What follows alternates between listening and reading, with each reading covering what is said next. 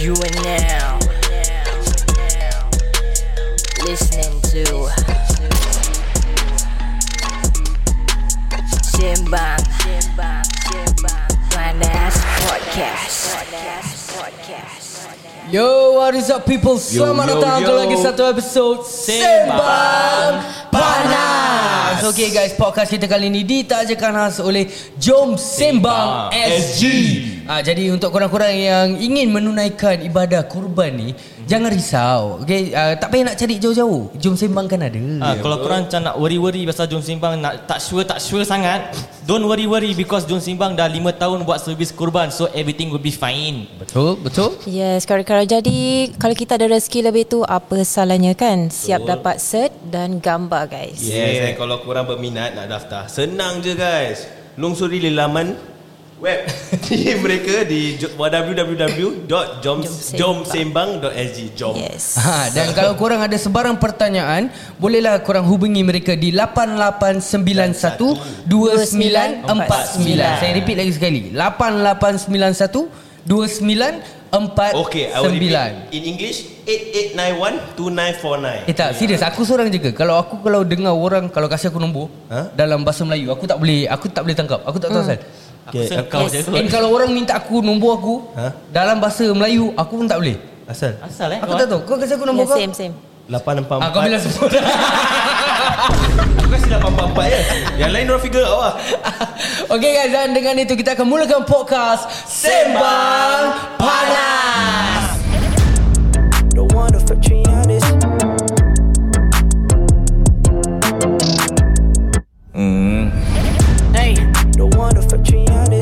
datang. This is Sembang Panas. Topik panas, semua panas.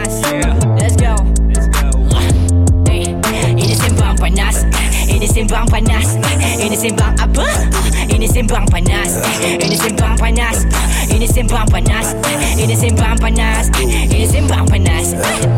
Selamat datang kepada semua yang dengar ni podcast Ini cerita Alkisah tengah simbang panas ID Isyam sebelah kiri Haikal Syafiq sebelah kanan Budak baru in the game bukan makanan ini sembang panas Memang barang panas. Eh, Tak ada tapis, banyak lapis Tapi tak ada ganas. Eh, Alkisah cerita kita terkejelah Tak payah alas. Biar minda melapangkan ilmu Dengan jelas. Simbang panas. Sembang panas. Eh, Ini sembang panas. Ini sembang apa? Ini sembang panas. Ini sembang panas. Ini sembang panas. Ini sembang panas. Ini sembang panas. Yo what is up people? Yo, yo, Nama yo. saya Aini Syam Mr. Boy Ray. Nama saya Ajul. And it's me Diane. Sopan. Sopan Eh sopan Daya Ah, mentang-mentang orang tu dah masuk detik dia nak Ah, kecam-kecam lah, nak ah. Nak kecam-kecam orang. Belum ah. apa-apa aku dah kena arrow Pasal aku selalu kena. Oh, Yang kau pattern. oh kira kau lepaskan geram ni Yes. Geram Okay, I mean like Mentang kau dah go for the date interview right That day How do you feel about that kind of interview Dah kira kan dah abang besar belum? Ah. Abang long Abang long Dia kan dah sunat lah Oh, tak adalah. I, I, to be honest, aku rasa macam I don't know. Eh, that, I I don't feel like there's really anything special about it. Good. Kenapa? Why? Entah, macam i- is there is there really something to be proud of just because you're on TV? I do, mean- do you feel that way? You can put it as an achievement see? Maybe. Yeah. Yeah, why Achieve not? what? Pasal kau dah kena keluar dari anugerah skin first round So achievement kau dapat dapat interview balik Dapat masuk TV balik lah kan? Yalah, uh, aku rasa macam okay. Here's the thing. Aku don't know whether aku should feel happy mm-hmm. or not because um, topik dia macam I don't know whether it's good for us. Okay, the topic is about uh, social media punya etiquette. Bukan etiquette eh Buat etiquette kau. Pasal aku selalu dengar cerita etiquette yang- ni. Eh, salah betul? Tak ada, tak ada. Aku ingat yang Etik. Etik. Dia lambat Dia lagi sikit Bodoh lah But I mean like Is something okay Untuk aku bila, Uh-uh. Pasal aku tak dapat interview Cuma dapat masuk frame je Oh, ah. kira muka kat TV lah Kira dia ya, Kira semua macam balik je Eh Aju masuk TV Tak, tau tak, kan. Kira kan aku dapat? Abang Aju dekat TV Keluar muka dia Kira, kira nanti uh, Wednesday 9.30 Semua dah duduk depan TV. Eh Abang dah Abang Aju Tak ada, tak ada. Terus, terus. Tak ada orang ingat. Sekejap je Lepas tu member semua dah standby handphone Kira Ah, nak record lah. Lepas tu tag C Ajul on TV say Tapi aku, aku, aku, aku, aku tak, tak. I mean, I don't mind lah. I mean, it's just uh, TV show. Yeah yeah Exactly Yeah, exactly and Ada kepala botak saya masuk. Jarang-jarang lighting, kau nampak lah. lighting spoil.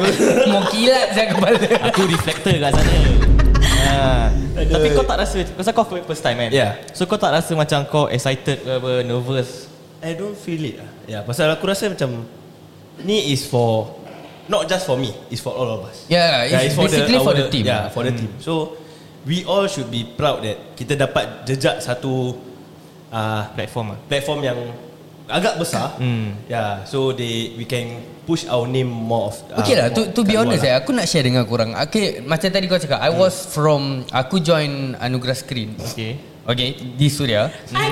In, in 2016 Okay okay I, I was at that moment Boleh dikatakan I was Boleh katakan a bit proud of myself. Yeah. Okay pasal aku tak ada background. Okay and out of 2,000 people yang pergi audition. Mhm. uh, If I'm not wrong lah. Yeah. Then they narrow down to 200 Narrow Okay. down to 100 Then after that narrow down to the top 20 10 guys and 10 girls. Fuh, top 20 Which aku dapat masuk cik. Kira macam oh, wow, Finally dream come true you know. Uh, Then after that uh, First round. But but here's the thing. Okay uh, Bila kita dah masuk top 20 tu kan mm-hmm. That everyone What everyone is saying is uh, Kau tak payah nak risau Kau kalau keluar sekalipun uh, Kira orang-orang TV dah nampak kau Ya, true, Director-director dah nampak kau Mesti busuk-busuk pun Mesti akan dapat job Alhamdulillah. Empat tahun kemudian job kebabai Hand job pun tak dapat Eh, jangan share macam-macam hand job pasal. Kau tak mau Salah Ah, job tak mau, salah job. Salah Ah. job Agak-agak. tak, kita nak kata. Yeah, yeah. So so pada aku macam being on TV Mhm. really doesn't to me lah. I I thought it was something. You know, Hmm. macam dulu um, aku always wanted, you know, I want to be on TV because I Yeah. want to be known. I want to be ni. Hmm. Tapi even when you're there, it, it doesn't really mean that that you are up there. Yeah, Yeah. true. You know, And sekarang social media ni dah banyak eh. Yes, exactly. So, and that is why kenapa aku start in a way aku start Alkisah Production. Because I'm tired of waiting. You know, I'm tired of waiting. Aku tak nak macam aku tunggu-tunggu-tunggu untuk orang kasih aku job, untuk Yeah. orang kasih aku kerja which aku rasa macam you know what? Fuck it, I'm gonna do it myself. Ah, that's what I feel. True You know? Understand? Mm. Like be your own boss. ah, Yeah. Aku rasa it's a good exposure Yang kita dapat Yeah. TV lah So that more people Know us In a way Eh, yeah, yeah. I mean for Alkesa to be on TV, it's it's the first time lah. Yeah. Hmm. Ah, dulu bahasa uh, just Bukan Eddie kau, Syam ya. yang keluar first round anugerah I mean it's, it's a good experience for all of us. Yeah, yeah. Tapi soalan-soalan dia macam mana tu? Ah, so soalan dia. Ah, and inilah masalah dia. Aku cakap, I don't know whether it's we were there for a good cause Mm-hmm. or, or or not. You know, the one the soalan-soalan is more macam kenapa? Yes, memang kita buat content untuk public. Mm-hmm. Jadi kenapa nak kena maki-maki kan influence yang tak baik. Hmm. Yang ini But for aku pay point of view kalau kau tak ma- like okay lah ni ni bukan nak ajar budak-budak untuk maki untuk bela- belajar eh but sometimes people will learn some people lah I would say some people will learn more when kita maki in the tu Learn what? like anything lah macam kau for example kau bercakap pasal apa how to say gaming and orang banyak maki-maki orang akan dengar Hmm. Ah, yeah, true. and people will take in absorb everything Aha, aha. I mean kau jangan absorb yang maki-maki Kau absorb yang benda bagus-bagus lah Kau absorb maki-maki tu memang kau bodoh Bodoh Marah, marah. Relax, relax. Okay, tak adalah. Pada pada aku pula, macam mindset aku is simple. Kalau betul konten Berapa banyak konten-konten syarahan Konten-konten yang berunsur agama ada dekat online ni Banyak kan? Yes Semua orang kat luar ni baik ke? Semua orang kat luar ni Kalau betul berkesan Semua orang mesti baik Betul Aku tak baik Ah, betul. exactly lah. What I mean is exactly some kan people some some people just don't absorb atau orang takkan tengok. Ah, Tapi yes. dengan cara Yes memang Macam aku cakap lah Kita memang cara penyampaian kita Is a bit kasar Yeah. Kadang penuh dengan makian yes. But Banyak orang lebih suka dengar tu dengar cara kita sampaikan something daripada message yang kita nak sampaikan. Yes Ah, Yeah. And So- because of what we say Kita akan kena kecam Hmm. Yeah, So, yeah, so pada aku macam lantak lah Asalkan yeah. message aku sampai Zah Betul. Ah, Yes. And the fact that ah, Orang kalau boleh cakap Yelah um, Apa ni Apa awak cakap ni bagus Tapi Tak perlulah pakai bahasa ni Dah Yang penting aku tahu message aku sampai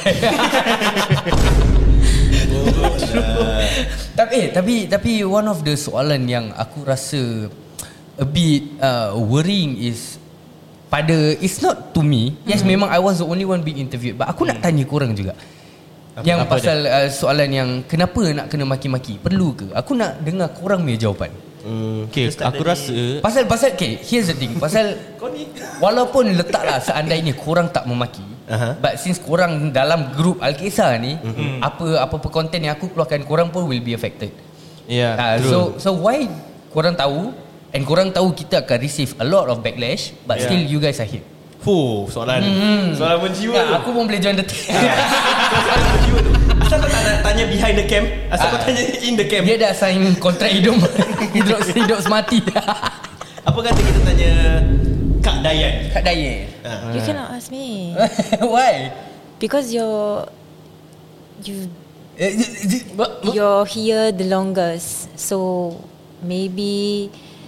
Uh, Okay, you you we- just join, right? Yeah. You just join, right? Yeah. Okay, why do you why do you agree to join? Yeah Um, to me, what I believe. Sorry, boleh cakap? Boleh, boleh, boleh. boleh. eh? Oh, He's Okay. carry on He's carry on because to me what what do I see in Al-Kisah right it's like despite the profanity ke vulgarities and all that right you must see Al-Kisah in a bigger oops in a bigger picture macam macam you have a message always have a hidden message like what's going on like today like, Like you know today. like even Yes. today or up updates or maybe something that happen on a daily basis Okay wait Yeah. Aku nak side track uh, Okay. Boleh kasih Kak Dayan uh, Introduce herself Ah, Oh the eh? yes, Ah, silakan. Silakan, silakan. Dekat sikit ya. Takut suara tak sampai. Nak cakap- nak Message cakap sampai, English suara boleh? tak sampai. Cakap English boleh Malay boleh Indian boleh Chinese pun boleh Boyan, boyan, boyan. ha. sorry I cannot say buyan lah Tak apa tak Arab apa apa nah. Apa Apa tu Okay, tak apa. Okay, sampai. Okay, so uh, hi everyone. Okay, nama saya Dayan. So, saya baru join Alkisah dengan budak-budak ni. Oi budak-budak Kita kena sedar Kita kena sedar Kita budak lagi Kita budak lagi Okay, so basically...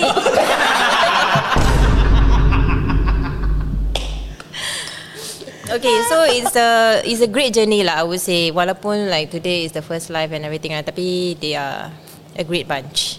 Ya kita masuk je dah Thank you. Hmm, cakap. thank you, is thank you. Is thank you It's welcome. Is thank Okay, you okay, much korang pula, korang pula. Ah, Okay, nama- aku rasa uh, Bukan introduce yourself dulu Soalan tadi Kau pergi introduce diri sendiri buat apa Bodoh nak mampus Okay untuk aku is Like you say Apa soalan dia tadi Ah, kenapa? Kenapa kau join? Kita. Hmm. Even though yang kau tahu maki-maki, eh? ah yes. Okay aku rasa is uh, Is a platform Kau for diam English fail Cikgu mati apa Kau berbual Melayu je Is it okay if I speak English also? Ah can, can. no Okay, problem. I Go ahead, is- go ahead. Berbang kamera ni okay. Uh, I think it is a platform for me to be real. Huh. Be real. Uh, be real. So macam ada yang maki-maki tapi macam ada yang orang maki-maki di luar tapi depan kamera kau step baik gitu lah. Step good good. Step good boy. Yeah. Uh, jadi aku aku punya orang belakang kamera depan kamera sama. So aku rasa bukan nak cakap is a good thing kau maki-maki but then is a way of speech. Ah, Apa kau nampak dia kat luar muka jamban Sama kat Ah. kau apa apa apa bezanya muka berus jamban? Sama Sebab tu kau dah pair. Aku join because of I just I want I want the experience. Yeah, Hmm. you know like because it's something new to me. Uh, buat podcast, buat content and aku background different. You know, I'm far away from being a content creator or whatsoever. But this Hmm. I just join to make me feel like okay, aku boleh take this uh, as a learning point lah. Macam apa yang aku boleh belajar, aku belajar. Uh, and apa kau jumpa kita kat luar is the same as apa yang kita berbual kat dalam. Yeah. Ah. Kita punya gila, kita punya cara berbual, basically it's the same Mungkin lah. first time kau jumpa kita Kita tak akan Kita akan rasa very awkward But Yes. bila kau dah kenal You can just vibe with us Yeah, true. True, Nak vibe true. tak nak vibe tu Pilihan korang Tapi kita just go with it lah. We go with the flow. They say. And also social media bukan semua konten-konten yang baik. Yes. Ada konten Aha. maki-maki yang not good for children. Yeah. So, might as banyak, well kan, banyak. Yeah. Might as well. But as a- Okay guys, antara since kita berbual pasal uh, konten-konten yang kurang baik dekat Hmm. social Yeah. media ni, uh, an- salah satu konten yang aku rasa baru-baru viral uh, baru-baru ni yang aku rasa we really need to address because uh, it's really worrying lah. Yes. Okay, uh, it's Heart the hurt lah. Yeah, huh? Heart the hurt. Heart the hurt. Yes. Uh, it's the topic yang pasal the asatiza poll. Eh. Oh, that one. Yeah, yeah, yeah. Ma, where do we start even? Where do we even I start? mean, it's something Okay, what do you know about the uh, Satiza poll? Aku nak cakap pun I feel like so worrying You know like It's very painful to start Why? Why? Pasal Kau mengaitkan seseorang No, it's not seseorang. It's beberapa, Beberapa orang. orang. Okay beberapa Yeah. orang Kau uh, mengaitkan orang Which is a Asatiza-asatiza in Singapore Yes. Yeah and it's very painful? Yeah Tadi apa soalan kau? What do you know about the uh, Asatiza what do you know atau what do you feel? eh, uh, I just Aku dapat baca yang orang post kat this I don't know what app I can't remember I think Eh, is the it Miwi. Mi- Miwi app? is Ya, it? Yeah. Miwi App ke Mawi ke Wallahu alam bisawab aku pun tak tahu tu app apa. Yeah, I What think it's a is new app Miwi? lah. Yeah. Kalau korang ada app yang baru-baru Miwi, please update kita. Kita pun kadang-kadang macam old school juga. Kita Okay lah tahu. uh, Basically here's the thing Aku To me eh Aku rasa Tak kisahlah Whether It is just the asatiza Hmm. Atau it is Anybody. Just any Anybody. Anybody even Hmm. I've- Aku rasa It's just not right lah Aku tak Yeah. tahu Apa Why why are you so sick Apa yang nak Asal kau You know, psycho ah, sangat. Yes Yeah. exactly Why you are so psycho? No and and the fact that Okay It is on An online platform Yeah. Where everyone can see That's why. Aku rasa it's just Disrespectful lah Number Hmm. one is just disrespectful And number two Mak kau tak ajar ke babi Sabar, Aha. sabar, sabar. Mana Serious, serious, serious, serious, Sabar. serious. No, it, and and and kau nak cakap apa? You you want how are you gonna walk away from that? It's a joke. Fuck Yeah. off lah. It's not Yeah, what. true. Eh, Correct or not? Kalau kau imagine kalau kau pay makcik ke kakak ke kat dalam pool tu, kau happy bersia? Yeah, exactly, exactly. When and no, and the worrying part is that there is actually one, if I'm not wrong, 1,005 people is it yang actually participated in the poll. Yeah. Now I don't Yeah. know which is more scarier. One person putting that poll up, Yeah. or the 1,005 people supporting that poll. Ah, yeah, true. I understand. Correct or not? For the fact macam kau support you voted on that poll is really fucked up ah. Yeah, yeah exactly. Yeah. Kira Apa macam kau fikir? support apa yang dia Yeah. bikin. Am I right? Tapi Yeah. kalau korang nak korang nak melancap benda lain, nak benda lain tu kau pay pasal lah. But if you are Yeah. doing this to like asatiza, they also have dignity. Yeah. Not saying that kau lancap benda lain tu orang benda tu tak ada dignity or anything. But you need to understand that this is where korang show that asatiza is Yeah, they Tak should be adalah senang cakap This is Yeah. just wrong lah Yeah, it's in, just in wrong. any In any way you try to put it With even if Even if Jangan cakap asatiza Jangan cakap perempuan kat luar If it's just us pun Yeah. Yang muka-muka pecah ni pun Kalau kau masukkan pun It's just not right what Yes. Yeah, Tapi kalau kita masuk ah, Tak apa kita nak masukkan tak tahu Okay kalau kita masuk. Jangan Jangan start Jangan, Jangan start jangan. Topik tengah serius ni. Topik tengah serius ni Serius Okay but uh, the Macam aku cakap lah The worrying One of the worrying parts as well is Yang Voted in the poll Hmm. Is not just any normal people Yes, But exactly. we also don't know is Dekat sikit. They, Uh, sorry. I think they were students from. Yeah and uh, Students that is actually tengah belajar Untuk jadi asatiza One Exactly. day Dekat Singapore ni I mean why why must you guys do that? Know, I, we just need the answer. Yes, Kita why? macam ter, ter, cari cari jawapan. Okay Kenapa? sekarang ni Sekarang ni Apa pendapat kau Okay now that You know that Diorang ni budak-budak Yang tengah nak belajar Untuk menjadi Ustaz dengan ustazah In the future Okay the thing is I don't know whether The the hundred and uh, thousand and five people is semua lelaki atau semua perempuan yeah. atau mix. Okay. Okay kita pun tak boleh cakap. Yeah, true. What antara uh, apa ni? But what do you feel that okay sekarang ni kalau yang kena tangkap ni semua orang yang tengah nak belajar ni, what should be given to them? I mean for What should be done to them? Okay. Ah. For aku pay point of view is Okay, satunya korang fucked up. Okay. that's that's the first thing lah, Yep, korang fucked yep. up. And kor, pasal korang tengah belajar agama saya. That, That's one thing. Not saying that orang yang tak belajar agama pun boleh di, boleh buat tu benda but I'm not asking you guys to do lah but Yep. kalau korang fikir balik is just wrong. That's that's one thing. Ah, that's the second thing ah. Fucked up and it's wrong. And aku macam jauh soalan soalan dia. I mean like for aku pay point of view is just korang kena apa better I don't know how to say it ah. Okay, I think to me it, this just shows like macam even though orang budak agama, they still uh, macam ada yang fucked up students.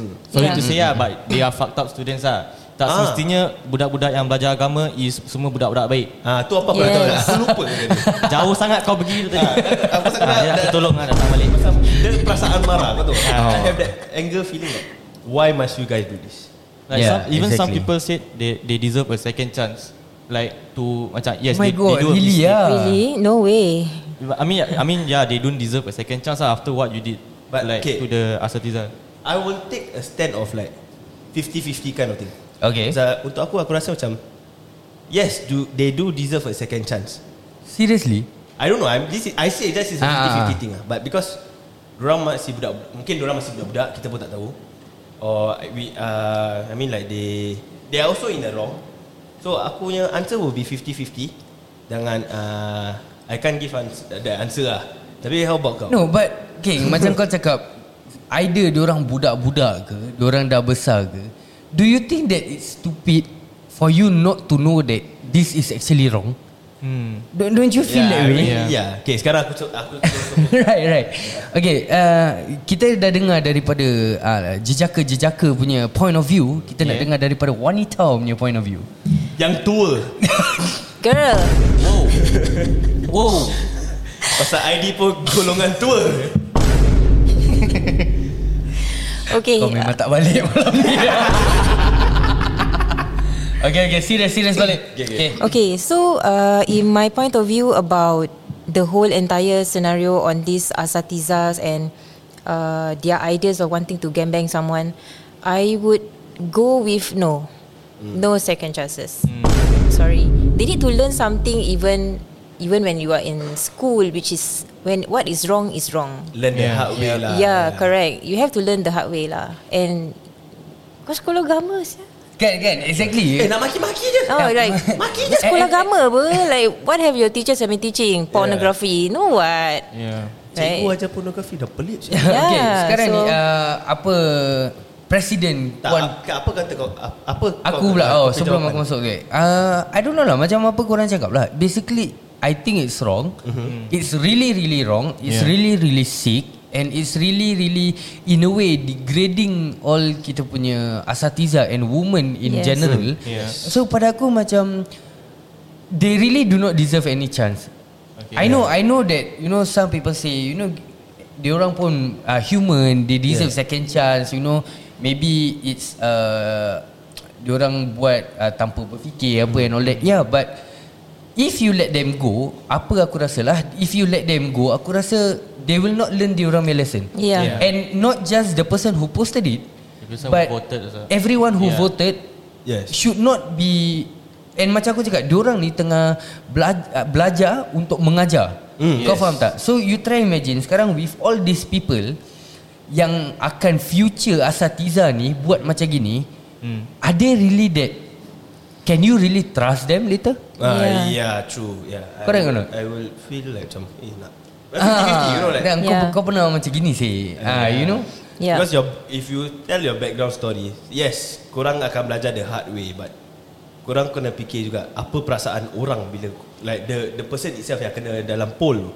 Mm, see, mm, we, mm, mm. Kalau orang malu, orang depressed, korang nak tanggung pasal kalau Yeah, orang suicide. basically that is what is happening. There, Yeah. there are some of the asatizas in the pool, ustazas uh, yang uh, that is going through depression, yang Hmm. takut nak keluar rumah and all that. So aku rasa it's really not fair. Yes, you know, true. it might be you might look at it as Alah setakat pool je apa Tak payah nak depress sangat You know Yeah. Some people And and I'm just worried that There are some people who are actually saying that Eh, Yeah. that's fucked up, Syah. Yeah, man. exactly. It Yeah. is. This whole thingy from the start is already fucking fucked up. Why don't we Yeah. put them on the poll Yeah. The the the voters. Yeah No as in the Oh. people who say that it's it's just a poll Oh yeah. I mean kalau kita buat kat korang, korang mesti tak suka.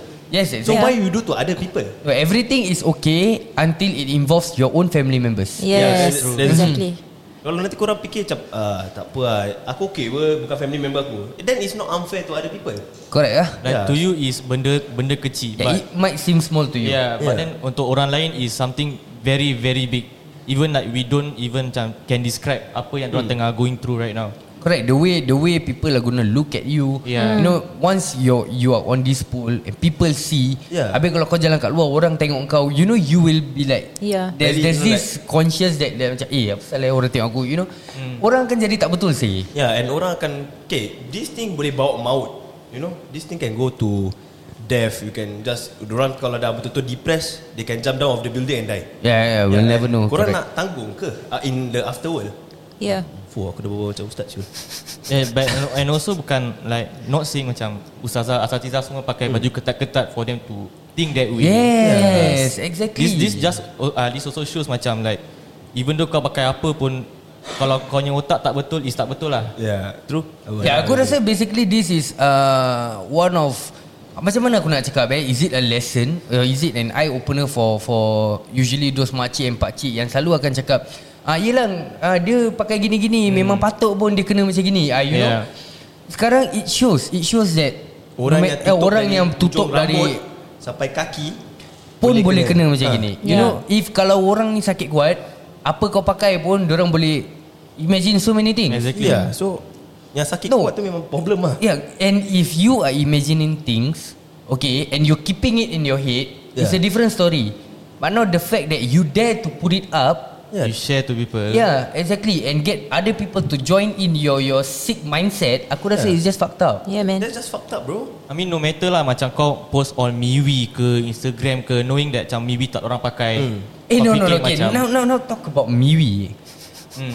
The the fuck is this platform in the first place? Aku pun tak tahu Okay, to be to be honest, eh, aku punya age group ah, can can I say that? Okay. Yeah, okay. Basically, the the platform, the Platform. platform, Platform. the platforms that I grew up with, Facebook, Yeah Friendster. uh, Friendster, uh, MSN, Tag. Tag, uh, tag is the kira dalam banyak-banyak ni tag kira macam the the ghetto one lah, the the jahat one lah. okay, okay. Then uh, baru-baru ni lah ada bahasa Facebook, Instagram and all Yeah. that. But I, I think the Facebook and Instagram will be part of korang pun juga. Yeah. Is it? So so now where the hell did this Miwi even I come think from? it's It's a after new kita. yeah, a new generation. Macam Yeah. untuk kita is Instagram, Facebook, Twitter, Twitter. Oh yeah, Facebook, Twitter for them. Yeah. O- OnlyFans. OnlyFans tak OnlyFans tak OnlyFans bukan kita Oh, tak. Bukan kita. Kita will be Bigo Facebook. Instagram Twitter Apa Yeah. lagi Ah. Miwi is like something totally new. Untuk aku lah, is something totally Yeah new. same lah. lah I will feel like it's just something Like, I what think the it's fuck after is our Miwi, generation sia? yeah.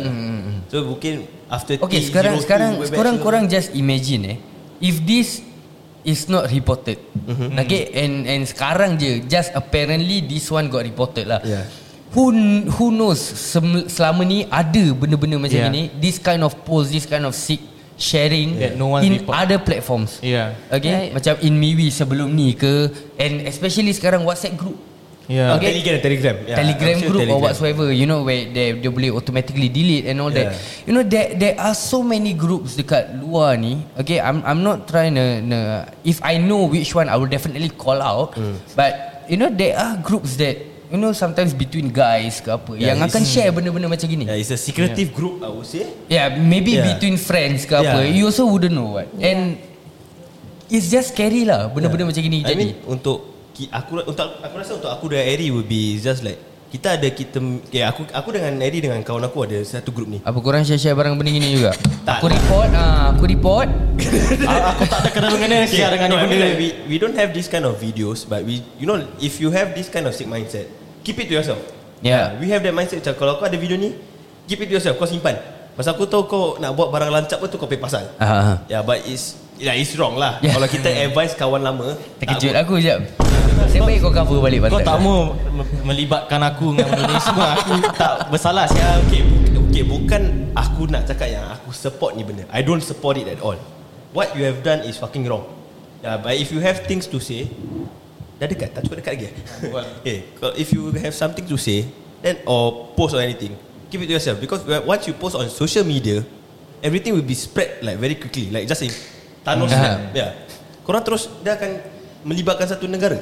I mean Yeah. even though macam kalau kawan kau send and kau nampak and but then kau scroll through but you not doing anything is Yes. sa- as the same as kau uh, Kira participating. kau bersubahat Ah yes. Ah. Pakai word Melayu sikit Bersubahat. I, I mean the best you can do is at least advise your friend to stop doing this. If yes. tak nak dengar then call leave group lah. Yeah, If you yeah. know that they are sending this stupid stuff.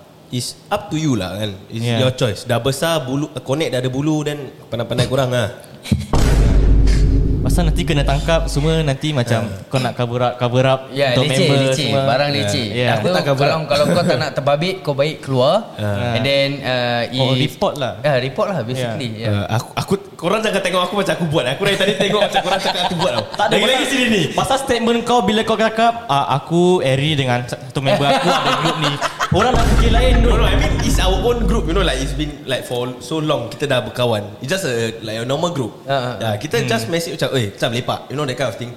Macam lepak Lepas tu gambar keluar Korang ni pun agak-agak lah. Kau macam makin lama Kau macam tengah mengeksposkan diri kau lah. Tak, kau, kau nak buat jahat Kau buat sendiri. Kau tak nak bawa aku masuk dalam Jahat-jahat kau. Okay guys Back back to the ni. topic tadi. Uh, I think kita punya Presiden Cik Halimah Yaakob Yes. uh, Cik eh? Is it Cik? Or Puan. Puan. Puan, puan, puan. Puan Halimah Yaakob Ada cakap uh, If the poll was created by students of the religion Serious consideration should Must be given to whether they are fit to preach In the community Once they complete their studies What do you think? Okay translate Uh, okay, kalau poll ni di, dibuat oleh murid-murid Islam dah bodoh, bodoh yang lah sedang Okay, senang. Senang nak cakap. Kalau uh, poll ni dibuat oleh budak-budak yang belajar agama. Is it, uh, apa, is it fair pula? Kau kena... nampak bodoh juga. no, okay. You know the question lah. Yeah. Okay, basically. So what what do you think? Okay, kita start daripada Dayan. I don't know. Okay, here's the thing. Aku, aku Everything got arrow is, to this me, is what no? I feel lah. This is what I feel. Uh, correct me if I'm wrong. Okay, dalam kita tiga dan kita empat orang ni, I feel like the ones.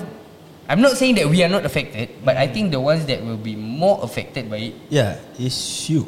could be you. Yeah. Should be you. Am I right? Yeah Yeah, yeah, of course. Yeah. Okay. So yeah, Masa your kita- your opinions, please. Serious consideration must be given whether they are fit. Like just now we discussed, Yeah. right? Which is do, do you, true. do you think they, they should Okay. be allowed? no, Straight up no, Straight up No No. Oh, yeah, no. No no. Okay, let's put let's put it as a scenario lah. Okay, I'm a student, and then my uh, my uh, my teacher or let's chat- ustad eh, I see the same as ustad. Yeah, also. correct, correct. Is the one who is one of the groups who has been participated in in that poll, ah. right? I will feel very inferior, takut, Yeah. with that teacher itself because Oh shit. you no. you look at it at that picture. If he was my teacher, aku takut. Well, Yeah. Now you say it's like... Yes, yeah. Eh, no. You just try imagine if that poll actually ustad also, like Yeah. the teachers also are actually inside. Is Yeah.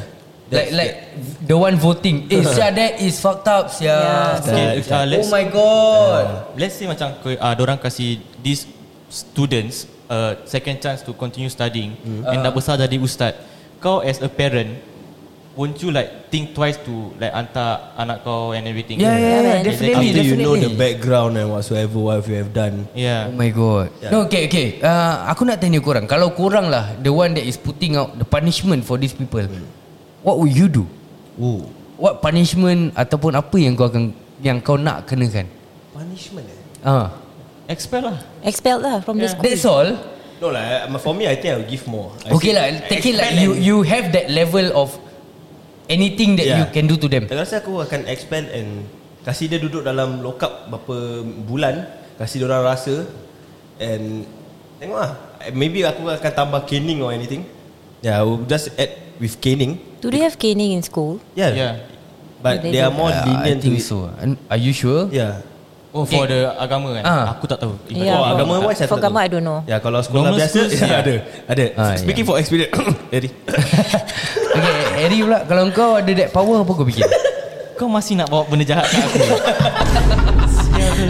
Okay Jahat aku, sama-sama, bro. One thing Expel And then also At the same time uh, Keep uh, Macam Kau jaga uh, How to say Macam kau Keep the students under your control Macam kau watch every move of them And also like Zul say ah, Maybe a few days or weeks in Yeah. uh, lockup or prison. Boys home lah I would say boys home Hmm. Yeah. Ya pasal Diorang akan lagi rasa macam Habis kalau yang dalam pool tu cikgu dia takkan cikgu dia nak masuk boys home. Ah, dia masuk jail terus lah. Okay, senang kata masuk jail terus. Okay. Kasih dia Yeah. rasa because maybe sometimes people will learn when you sit inside. People obviously You people never will know learn, lah, yeah. And o- orang akan rasa macam eh aku dah pernah buat salah. And from this you you I don't know if you can repent on it. Like after changing it Like kau dah Macam kau dah buat Habis kau nak turn back the time Mesti dah susah Dah lama Ya, yeah, Right, correct. so we, things will be like hard for you guys, but kalau korang belajar from it, then it's okay lah. Yeah. Yeah. Lain? Me, Ya. I will agree with him. Expel first, Uh-huh. and then uh, is it still far? Okay. Okay. So basically, expel first, and then go with IMH to check whether you're mentally sound. Why? What do you mean why? I mean that's a good idea though. No, I you have to. Some people are are mentally not sound. You know. Yeah. Yeah, so you have to check. Kalau dia mentally not sound, hantar dia IMH lah. Psycho. And then after that, after after MH, they Okay, they, they you just let off free. like that. Uh, you see, that is a difference. You know, if you're mentally not sound, you cannot be sent to prison. Okay. Oh, That's yeah. the difference. You'll be sentenced to IMH instead. Mm. So if you are sound, then you go Oh, prison MH lah. as in like stay there lah. Yeah, stay Tak there boleh lah. keluar. Memang tak boleh keluar. Hmm. Badan Correct. kau kat dalam lah. Yeah. Kau tahu yang orang ikat tu yang itu yang Tak sampai gitulah Tak lah. Tak tu kau ikat dia punya bebet je Dia tak buat benda-benda bodoh macam gini Kau faham tak? because okay from uh, experience Marah aku Sabar. Geram Sabar sabar siap. sabar sabar. Okay relax eh, relax relax. Okay, okay. Pasal for an experience aku dah pernah pergi ah, MH. Intern intern. IMH. Yeah, in, I know. I wouldn't say IMH, a normal hospital. And Okay. ada yang orang-orang gila kat sana. Hmm. And uh, is, sorry, sorry, I- I'm rude. Aku cakap orang-orang gila, maybe orang yang tak betul kat sana. Hmm. And orang have that mindset of, orang akan ikut orang punya perasaan. Yeah, so maybe Hmm. this poll, maybe orang ikutkan perasaan orang, which is dumb. Okay. But kita tak tahu lah kalau orang memang psychological sus, uh, otak mati, then there's another way Okay lah. from from korang punya jawapan eh Aku rasa it's really uh, If it was me Aku rasa it's really not enough Nombor satu Expel Okay Hmm. And then after that uh, Sebat macam kau cakap Okay Then after that Untie MH Okay fine But one thing aku really do Is Really Tampal muka orang dekat Everywhere lah Hmm. You know make sure Diorang dimalukan Macam mana diorang malukan Asatiza Asatiza-asatiza ni Am I right or not? I- It's it's only fair Aku rasa Macam yes You can put them in jail You can put them Apa ini and all that But does it give justice To all this Asatiza Aku really feel like It doesn't It's not fair You know People orang yang stress Sampai depressed Pasal Yeah. apa kau bikin ni And then kau just Masuk jail Sentence berapa bulan Lepas tu kau keluar And that's all But untuk aku is whatever punishment kau kasih orang is still not enough for what they did. Yeah, exactly. So- If you Hmm. kau nak tampakkan muka Kind orang everywhere pun, we also don't know Benda if dah they jadi. learn. Yeah, benda Yeah, dah that's the thing. They may not learn, no. But at least you eh, But at least others will know Kau tahu tak Sekarang Yeah, kalau true. seandainya Diorang tak letak Tak tayang muka budak-budak ni Ha? And letaklah seandainya Satu hari boleh jadi ustaz Dekat Maybe not in Singapore Maybe dia lari kat Malaysia Dia jadi ustaz kat sana pula I really feel that It's really important to do this So that You know They cannot run away But One thing that is bad for them is they have this record, the criminal record Yeah. yang dorang buat benda ni. Exactly. So one that is like uh, somewhat uh, macam punishment for them. So Okay. it's hard for them to get a job in the future. Like you say kau nak tampal muka orang kat luar, what do what what does it do? Okay, kau malukan orang, but then at the end of the day, so what? Hmm. yeah, Good point kira I mean, kan Good point Good point It's the same to all the benda yang kita kalau kita kasih ya, expel, whatever you guys do, it's up to them as well. Kalau Yeah. orang nak belajar, tu orang belajar. It's a good thing. If Kalau korang dorang- minum otak tak betul, then ha, you kalau korang orang tak nak belajar then fuck it lah. Yeah. Korang yang malu sendiri apa? Kinda true kinda Ah. true Not Like- saying that kita budak-budak baik ah. Yeah. Nak cakap Ah, aku, yeah, betul. aku dengan Zul pun budak jahat. Eh asal kau Eh babikan ID sekali Babikan ID Eh aku pula I mean we all have our bad side lah. Yeah. But is uh, it depends on if kau nak berubah atau tak nak. hmm, True Correct Yeah. True I mean I don't know lah Correct, it's just sick lah guys. it's, it's just sick. Aku really, I, I really can't think of any reason atau any excuse that they can give to explain whatever the fuck that they have done. But some Yeah. people That's are like I'm thinking. that. Some people are like that. I mean like Are you guys that psycho Macam I mean- biautan ni ah. Kenapa dia nak kena buat itu Kenapa dia nak kena buat Presentation jalan kat MRT ah, Aku rasa Alah, sama kan, juga Tak mau libatkan biautan kat dalam Ah. Tak adalah That's the closest one I can think of right now lah Ah, Show me your badge Ah, dia Sama, pun sama. boleh ah, You know sh- She's Kira, already kira someone. banyak orang yang tak Yeah. betul eh? Okay kau kau fikir balik Like the Who's that The West Batch West the Batch lady Ah. She's somewhere up there you know She's an uh, Dia dia masuk some, uh, Polis eh tak Ni, salah Marine eh bukan? Ah, Marine Marine Dia orang atas tau No I don't even think she's crazy lah Sia Yeah, no, but you, if you think back, orang dah dia dah kat atas sana and she she do this kind of thing. Yeah, apa kau rasa kalau orang pay background macam mana? Yeah, what do they, you know like after this how's their life is going on? You see? Yeah, yeah. maybe. Macam benda gini sama. It's the same thing. Kalau benda ni jadi, so what is going to happen? Yeah, And true. okay, kau nak cakap pasal kau paste everywhere, the guys uh, macam muka-muka orang kat everywhere. Sekarang COVID situation, ada yang budak-budak Malaysia, you know, is already Ah. like everywhere.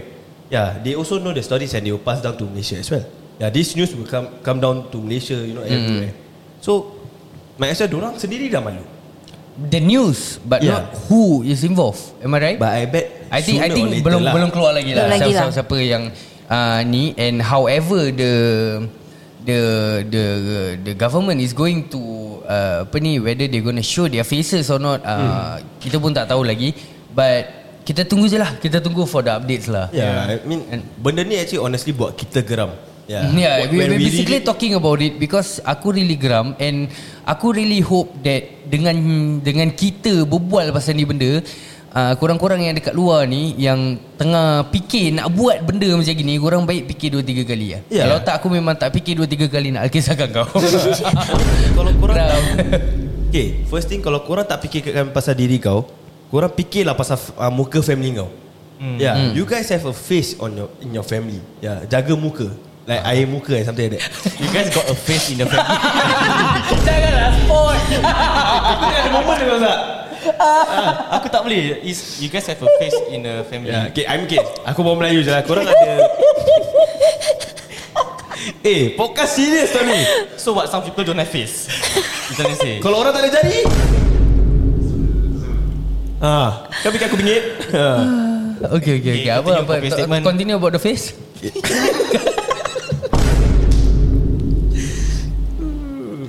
I mean, okay, korang ah, orang ada air muka tersendiri kat dalam Ah, family orang. okay. Kan senang sikit, Faham sedap sikit, sikit okay. orang nak dengar kau jangan kekek pada butuh.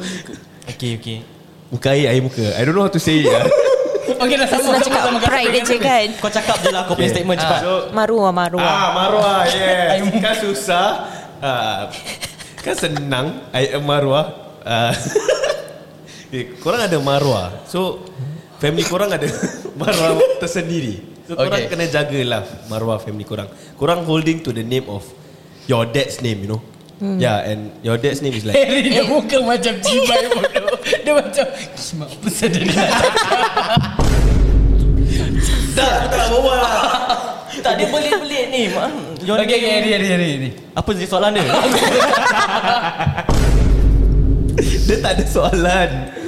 Zul punya statement buat aku pening lah Okay lah, basically jaga marwah family korang lah. Dah, Yeah, yeah, simple. yeah. Okay, aku understand and- statement and- kau lah. And uh, aku rasa we would like to take this opportunity lah to to uh, really apa ni macam mana aku nak cakap eh macam share kita punya uh, concern with all the asatizas that are involved Hmm. especially those that are really really uh, badly affected by this Yeah. uh, aku really hope that um, you know you guys actually uh, macam mana aku nak cakap I really get the help that you guys need Yes. Yeah. you know to overcome this uh, trauma or whatsoever memang uh, you guys really do not deserve whatever that has happened Yeah, and Yeah.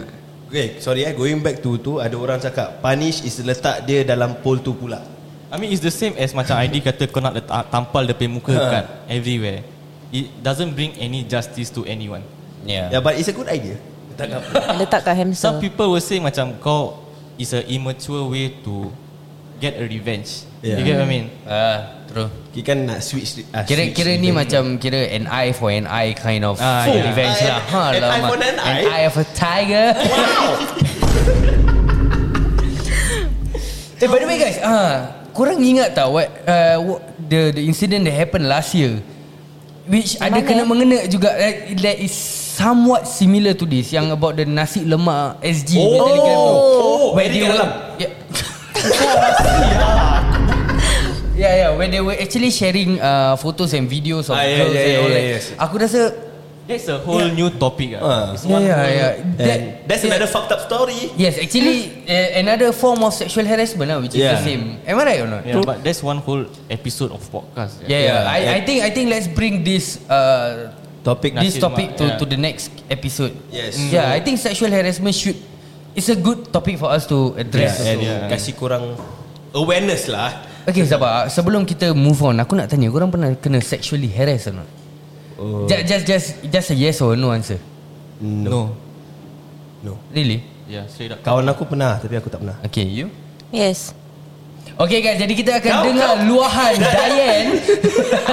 kita akan dengar luahan Dayan dan uh, daripada rakan-rakan kita yang telah pun kongsi cerita-cerita dengan kita Mhm. di podcast Yes. yang akan akan datang lepas ni. Yes, sir. Okay guys, so we're gonna be taking like uh, a break sebelum Yes. kita akan continue. So yes guys, uh, jangan lupa podcast kita kali ni ditajakan khas oleh Jom, Jom Sembang SG. Uh, jadi untuk korang-korang yang uh, nak menunaikan ibadah kurban ni, jangan risau. Yes. Tak payah nak cari jauh-jauh, Jom Sembang SG ada. Hmm, Kalau korang risau benda ni nak percaya tak nak percaya, don't worry because dorang dah 5 years in the making of doing this kurban service. So everything will be fine. Pak Hin. Oh, okay. Kau oh kan aku eh. krik, krik, krik, krik. Dia boleh sambung ni.